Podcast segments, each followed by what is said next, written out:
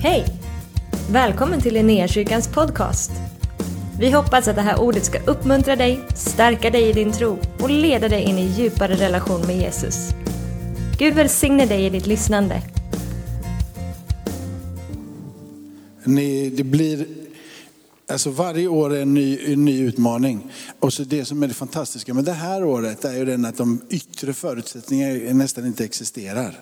För att det ska bli ett liksom, spännande start. Var hemma, håll avstånd, gör ingenting, gå inte till jobbet. De yttre förutsättningarna existerar inte. Liksom. Stängt livet på paus. Lägren som mina barn skulle på liksom stängda av och konferenserna stänger av. och Allt liksom, träffas inte i kyrkan utan var hemma. Det, liksom, det är det som andas ut. Eh, nu är det, är det två år pandemin har hållit på till till våren här nu i februari eller mars eller vad det nu än var. Och fortfarande så liksom sätter livet på paus. Och då är det ganska härligt att tänka att vi har inte de yttre förutsättningarna, men du vet att det där, de där oddsen, de där oddsen är fantastiska odds enligt skriften. Eller? När allt hopp var ute så Kan ni texten? När allt hopp var ute så, så trodde, så trodde på Gud. Allt hopp var ute så trodde han ändå. Gud har aldrig liksom eh, stationerat sig med de bästa förutsättningarna.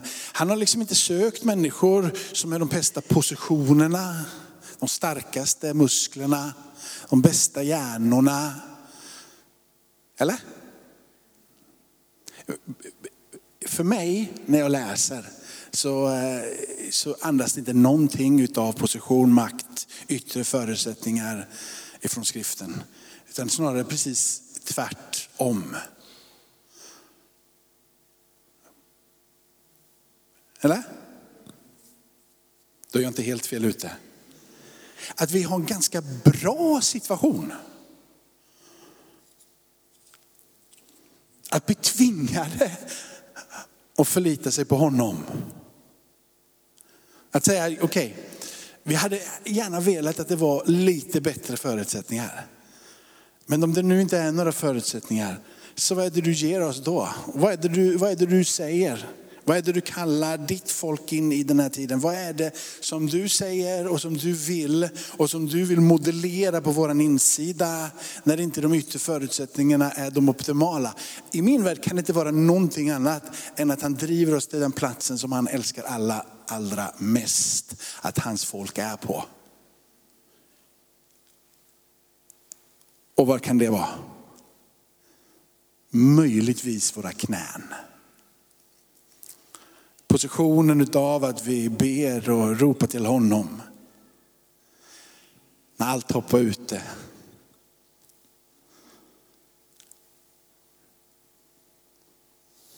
Kanske du tycker att jag målar upp en väldigt pessimistisk, men jag vill värld och, och, och situation för dig. Men eh, någonstans när det gör ont så fortsätter du inte att springa in i den väggen igen. Det är ju idioti. Det gör sketont det här, men jag fortsätter göra det. Det gör man inte. Utan man tvingas någonstans att ändra riktning, man tvingas någonstans att pröva nytt, att fundera i nya riktningar. På något sätt så blir man tvingad att ändra sig när det gör, när det gör ont. Och jag är väldigt tacksam för att det ändå inte gör så ont att vi har en pandemi. Jag har fortfarande väldigt mycket mat i mitt kylskåp hemma och troligtvis i ditt också. Fortfarande, trots att en del är sjuka, så är det, finns det ganska många som är friska runt omkring mig. Det är mer människor som är friska än vad som är sjuka. Liksom. man kan vara tacksam för väldigt, väldigt mycket istället för att måla upp en alltför pessimistisk värld. Men eh, för Gud, för den som just nu känner att livet är en enda motgång, så är den inte så dålig plats att vara på det är en ganska bra plats. Det är en plats där du igen får lära dig att lita på Gud. Där du igen får lära dig att förtrösta på honom. Där du igen får möjligheten att få komma nära honom och få känna att han håller om dig. Och trots att det är som det är så vågar du stå där och känna, jag står inte ensam. Alternativet hade ju varit att du hade varit precis ensam. Hade det varit bättre? För mig så är det ju liksom, inte bara att jag har mött med Jesus och vill vara med honom. För mig så vill jag också ha en Gud. Inte som en snuttefilt. Utan jag vill ha honom för vad Bibeln presenterar, en stor och väldig och mäktig Gud. Han som är förmögen och kan gripa in. Den guden är det jag vill ha, inte en snuttefilt som tycker synd om mig. Jag vill ha den som kan ta mig igenom, som kan se till att ändra, liksom, och verkligen göra skillnad. Det är den Bibelns Gud som presenteras. Det är min Gud.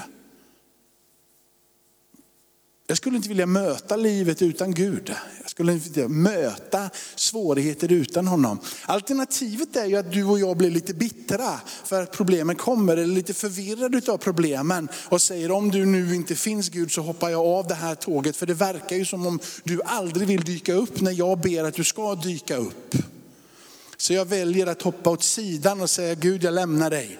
Jag lämnar dig där borta för det, alltså, du kommer ju inte när jag ber. Så jag lämnar dig där borta och så går jag min egen väg. Då kan jag lova dig, då är du ensam.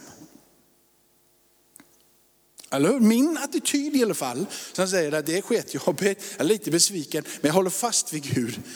Den attityden gör ju att om nu Gud finns, och han finns, att jag står på hans sida.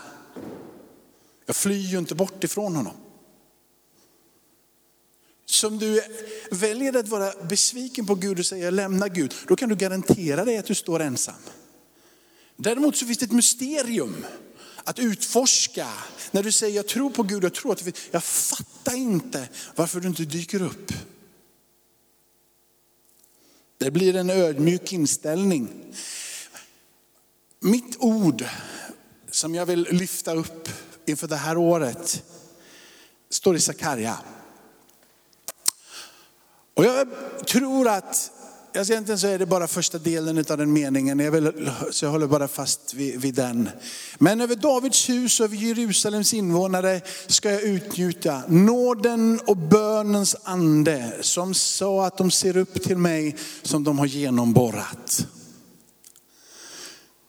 Men över Davids hus och över Jerusalems invånare ska utgjuta nåden och bönens ande så att de ser upp till mig som de har genomborrat. Löftet sker på pingstdagen, anden blir utgjuten. Och det som är det finurliga med den heliga ande är inte bara att du har pingstdagen med kraft och med dunder. Utan allting det som Jesus säger att denna ande är, sanningens ande. Vi behöver honom, han är hjälparen, han leder oss. Om du ska andas ut det som händer här och som blir löftet här, så finns det någonting som sker när den här anden blir utgjuten. Och som ett löfte från Gud själv och det bibelord som finns runt omkring Jesus och det som skriften säger om anden. Så sker någonting av en insikt av synd när anden kommer. Anden drabbar dig och mig och helt plötsligt så finns någonting på din och min insida som är ett hinder för att komma in i den där närheten till Gud. Anden på något sätt väcker ett samvete på insidan. Inte för att du nu blir rädd och vill springa bort ifrån Gud, men en glädje och en längtan efter att få komma närmare honom. Synden, när den uppenbaras genom andens närvaro, drar dig aldrig bort ifrån Gud. Den drar dig närmare Gud. När anden verkar så är inte synden det som du kommer att problematisera runt omkring. När anden verkar så att synd uppenbaras så föds och tänds en iver och en hunger efter att få sitta i faderns knä täckt med det blod som rann för dig på korset. Du dras emot den allra heligaste när synden uppenbaras genom anden. När synden är där och det är andra saker som har väckt någon förståelse av att du gjort fel och, och så vidare. Så, men det är inte Guds ande. Då är det så här att ah, Gud, eh, Gud älskar nog inte riktigt mig. Och hade Gud verkligen tagit hand om mig så hade han beskyddat mig innan det här hände. Och så finns det hela tiden massor med bortförklaringar där du skyller på allt annat. Inklusive möjligtvis dig själv. Men när anden verkar för att uppenbara synd så dras du emot honom. Det andra som händer som vi läser i skriften det är att när anden verkar så får du en insikt om rättfärdighet i Kristus. Rättfärdighet ifrån Gud. Anden väcker på insikten på din insida att han som blev genomborrad på korset för dina synder, han där har nu tagit sin boning i dig och bor på din insida. Du blir genom andens närvaro om vi ska tänka det som Paulus ber ut, som vi ska läsa lite senare, så pratar han om att anden har blivit boende i ditt hjärta eller Jesus har blivit boende i ditt hjärta genom anden permanent. Att bo i någons hjärta är en, inte en tillfällig liksom, hopp dit du är, han bor. Han har tagit sin boning. Han är placerad där. Och så ger Paulus uttrycket av att du kan till och med bli rotad och grundad och bergfast i honom. När anden kommer över dig så får du en insikt om att du är rättfärdiggjord, att du tillhör honom, att han är med dig. Han är Gud Immanuel som vi har läst i skriften under advent. När anden får verka så sker någonting.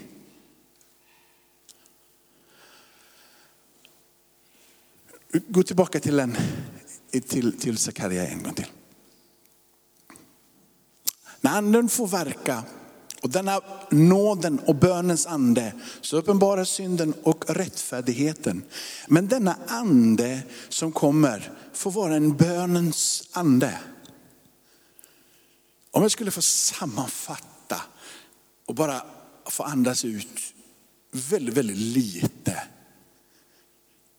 utav den heliga andes storhet så är han den perfekta hjälparen i bön. Han är hjälparen alltid och han leder allt. Men när det kommer till bön har han specialiteter som du inte klarar dig utanför. Han har egenskaper som han vill att du ska fånga. Och att du ska få låta bli påverkad i ditt böneliv tillsammans med honom. Han vill liksom ta kommandot. När han tog kommandot för att uppenbara synden i ditt liv. Han tog kommandot för att föra dig in i platsen där du förstår rättfärdighet. Så vill han också ha kommandot när det kommer till att leda dig och hjälpa dig i bön. När anden får verka så börjar saker och ting hända i ditt böneliv som inte längre bara är suckar utav misströstan. Utan suckar utav djup innerlig överlåtelse. Som om att, att jag inte har fattat det här innan. Han har ju allting i sin hand. Att formulerade tidigare. Att jag försökt så många gånger själv. Paulus ger ett uttryck för suckar utan ord. Det är inte suckan utav frustration som den heliga ande kommer. Det är suckarna utav att jag får landa. Han är med. Jag behöver inte hitta på det här. Jag behöver inte liksom joxa till det där. Jag kan bara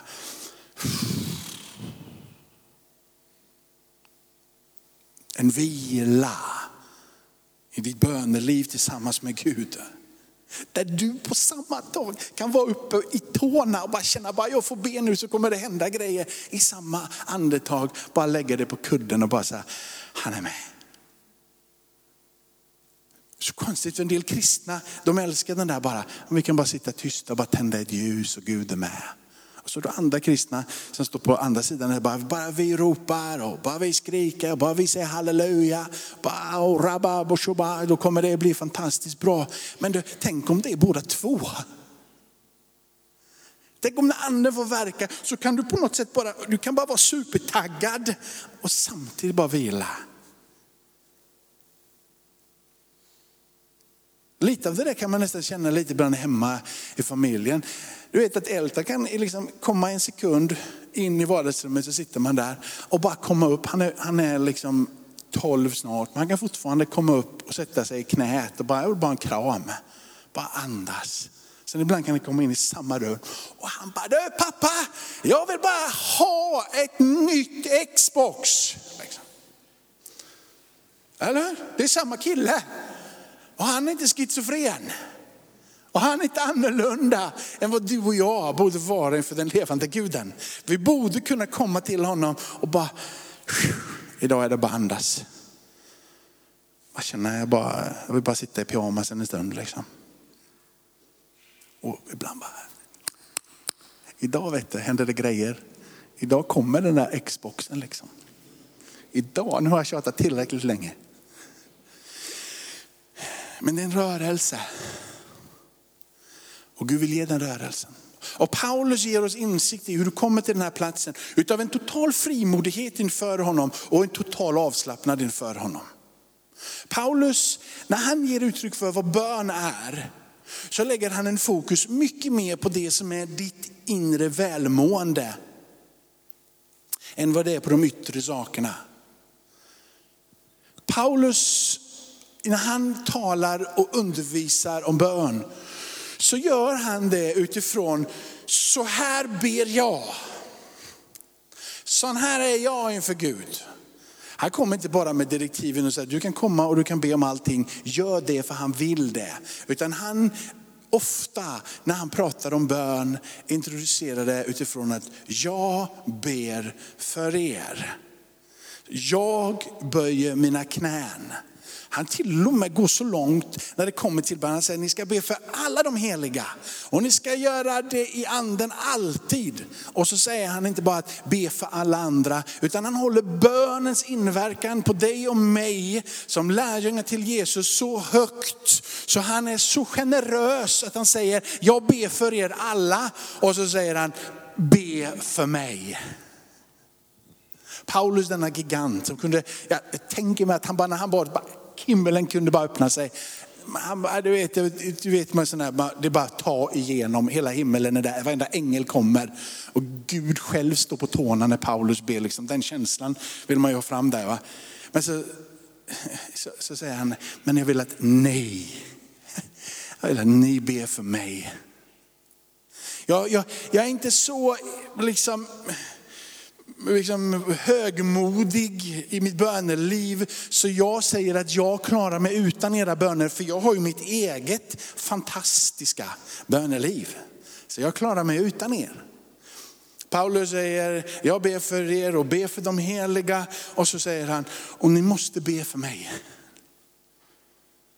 När du ser ut, be för mig. Han som är den store, för jag kalla det nu då förebedjaren. Det vi, det vi, vi har den store förebedjaren är egentligen Jesus, för han sitter ju på Faderns högra sida just nu och ber för dig och mig. Men om, i den här predikan så får Paulus vara den stora förebedjaren och du och jag de små förebedjarna.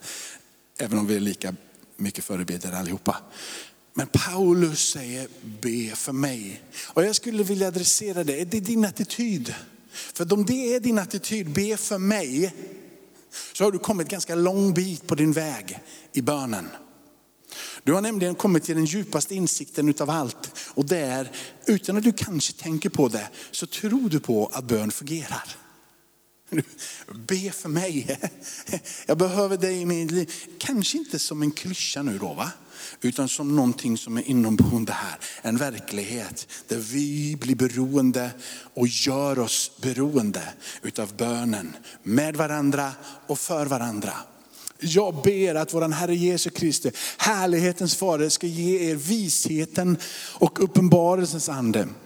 Så att ni får rätt kunskap om honom. Det är den där anden som tar dig till platsen av medvetenheten om att det är han som uppenbarar synden. Han som för dig in i rättfärdigheten. Han som är där med dig när du nalkas honom och får komma både upp i knät och in och ropa efter Xboxen. Den här anden som gör dig fullständigt förvissad om att Jesus Kristus är med dig, är hos dig, vandrar är där, Immanuel. Och jag ber att era hjärtans ögon ska få ljus så att ni förstår vilket hopp han har kallat er till. Och hur rikt härlighet hans arv är bland de heliga. Här andas han ut att inte Gud bara är den frälsande guden här och nu i den här tiden. Utan han andas ut att det finns ett rike som är nu, men också ett rike som ska komma. Det är fullt ut nu, men det ska också bli fullt ut. Det där hoppet, evighetshoppet, som faktiskt gör det där att du kan säga att det synliga är inte så verkligt som det osynliga.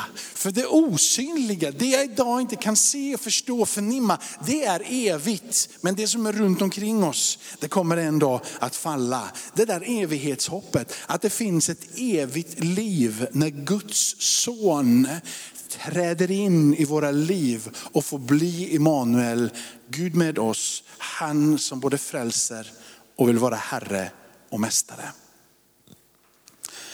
Han, och hur oerhört stor hans makt är i oss som tror, därför hans välja kraft är verksam. Paulus talar om att den där kraften som väckte upp Jesus ifrån de döda, den kraften den verkar i den här stunden i era liv. Tänk att vi får be med varandra, för varandra, med samma kraft. Så här säger Paulus i kapitel 3. Amatan igen, jag böjer mina knän inför Fadern. Han från vilket allt allt som kallas far i himmelen och på jorden har sitt namn. Han igenkänner hans storhet och han kapitulerar inför det. Jag ber att han i sin härlighets rikedom ska ge kraft och styrka åt den inre människa genom sin ande. Här är nästa. Jag skulle nästan om jag får säga den första är att du kommer till platsen av att insikten om att anden hjälper dig i bön, att det får blomma till liv. Så, det finns någonting här av Paulus böneliv som jag tror på något sätt är omistligt för ditt och mitt böneliv. Ett måste. Att du kommer till platsen och säger, jag behöver be så att det står väl till med min själ. Jag behöver be så att det står väl till på min insida. Paulus ber att det ska finnas en kraft och styrka åt den inre människan genom anden. Att du och jag fick be med och för varandra om att det ska stå väl till på vår insida. Är, om du vill få hjälp att liksom kategorisera det, hur i hela världen ska jag be för min insida? Vad finns på din insida? Alltifrån, jag menar, du kan be för dina tankar, att de ska vara rena och så vidare. Men det finns någonting på din insida som vi får adressera, kanske förnuft eller förstånd. Den där platsen på din insida, inte, inte det där förståndet här som bara adresseras utifrån att jag har läst en bok, utan djupare än så. Det där förståndet och den där insikten och den där platsen på insidan där du förnimmar att det finns en förståelse som bara Gud kan ge om vem Gud är. Den där insikten av att Gud har allting i sin hand. Att Gud är greppbar, för han har greppat tag i mig. Den där förnuftets vaknande på insidan, att du helt enkelt börjar förhålla dig lite granna som om att Gud finns i det liv du lever. Som om att när du stiger in i ett rum så gör du inte bara vad du vill. Inte för att Håkan, Anders eller mamma och pappa är där, utan för att Gud är där. Jag beter mig inte som en idiot, även om Anders är en bajskorv. Jag gör inte det för att Gud är med. Jag börjar inte längre att fiffla när jag sitter i ensamheten. För helt plötsligt så är ju Gud med. Det börjar bli en förståelse i ditt förnuft, i ditt sinne av Guds närvaro. Han vet allt. Nästa sak du kan be för, det är för att ditt eget samvete ska väckas. Så, så att inte när du stiger in i det här rummet bara, jag skulle så gärna vilja smussla lite. Men Gud är ju här så jag hoppade. Du vet, Gud vill att du ska be för en sak till. Och det är det samvetet som den här världen har tagit kål på och knäckt på din insida. Utav allt möjligt, utav bedrägerier som finns utanför, som vill lura dig, tissla och tassla med dig och föra dig bort. Så att ditt eget samvete inte längre vet vad som är rätt och riktigt. Som är bra för dig va? och bra för oss som mänsklighet. Det där korrupta samvetet på insidan som inte längre känner av vad synd är. Han vill inte bara att du ska stiga in på platsen och säga, okej okay, nu gäller det att jag sköter mig för Gud är med. Utan han vill det, liksom, lägga på din insida det som är hans samvete. Och han vill att du gör det genom att du ber så att det får väckas på din insida. Så att du längtar efter att få göra det som är rätt och riktigt. Du söker inte vägen att få smussla med skatten, utan du söker vägen att få göra det som är rätt. Du ger Jesus det som Jesus ska ha och kungen det som kungen ska ha, eller det som staten ska ha. Helt plötsligt så har du i bönen ropa till Gud och väckt på din insida den där kompassen som har fått sig en liten törn.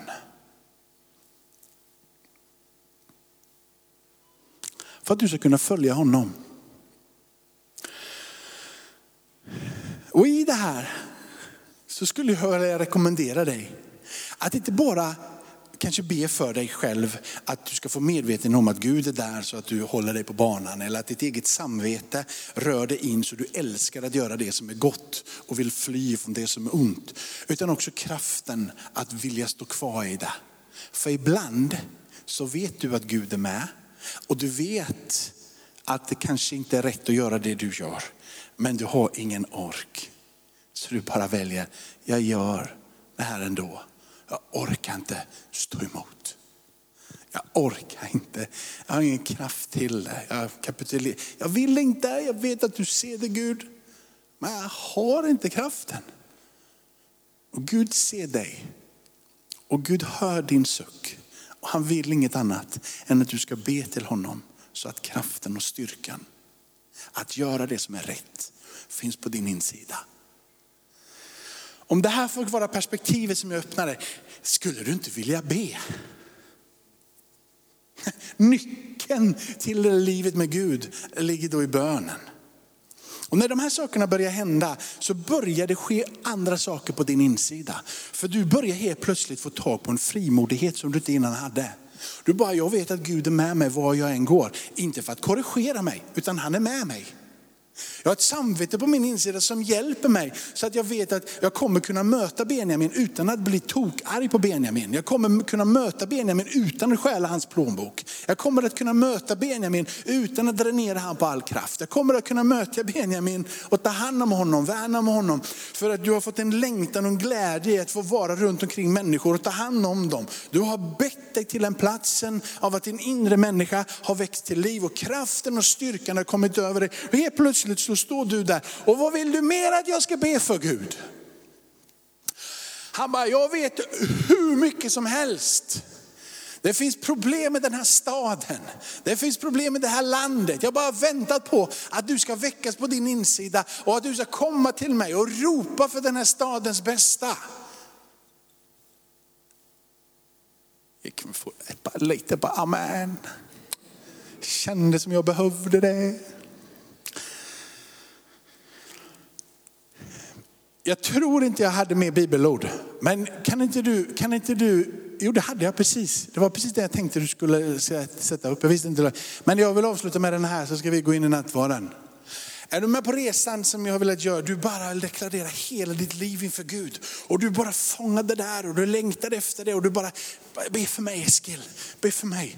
Nej, jag, jag, går, jag går åt på insidan men jag ber för mig och jag ska be för dig säger jag. Och vi börjar ropa till Gud för varandra och vi börjar känna det där komma, helt plötsligt så bara, Gud vad kan vi mer be för? Hur ska vi? Men det här är mitt hjärta. Och så säger han, jag säger be och ni ska få, sök och ni ska finna. Bulta och dörren ska öppnas. För var och en som ber han får och den som söker han finner. Och för den som bultar så ska dörren öppnas. Och så vill han andas ut hjärtat igen. Finns det någon far bland er som ger sin son en orm när han ber om en fisk eller en skorpion om han ber om ett ägg. Och ni som är ondat förstår att ge goda gåvor till era barn. Hur mycket mer ska det inte då en far i himmelen ge den heliga ande åt den som ber honom.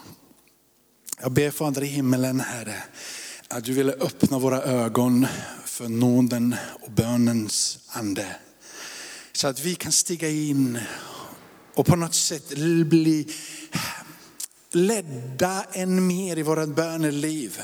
Att få känna att vi inte står där famlande inför dig, utan vi ber Ibland systematiskt för vårt inre liv, ibland lite mer på, på volley. Men vi ber att du ska röra vid våran insida. Vi ber att vi skulle få komma i position med dig så att vi kan börja säga, Gud vad vill du att vi ska be för? Vad vill du att vi ska ropa inför dig för den här stadens bästa? Väck på oss så att vi kan väcka staden. Väck oss i bön så vi kan be för staden. Väck oss i bön så vi kan be för staden. Väck oss i bön så vi kan tränga in i det allra heligaste och där medveten, bli, bli medvetna om att tillsammans med dig har vi makt och myndighet. Tillsammans med dig kan vi be med den kraften som verkade när Jesus uppstod ifrån de döda, djupet och insikten om vem du är, så kan vi börja be för våran stad till förvandling. Upp, att de väcks och tänds och fylls utav ditt rika liv.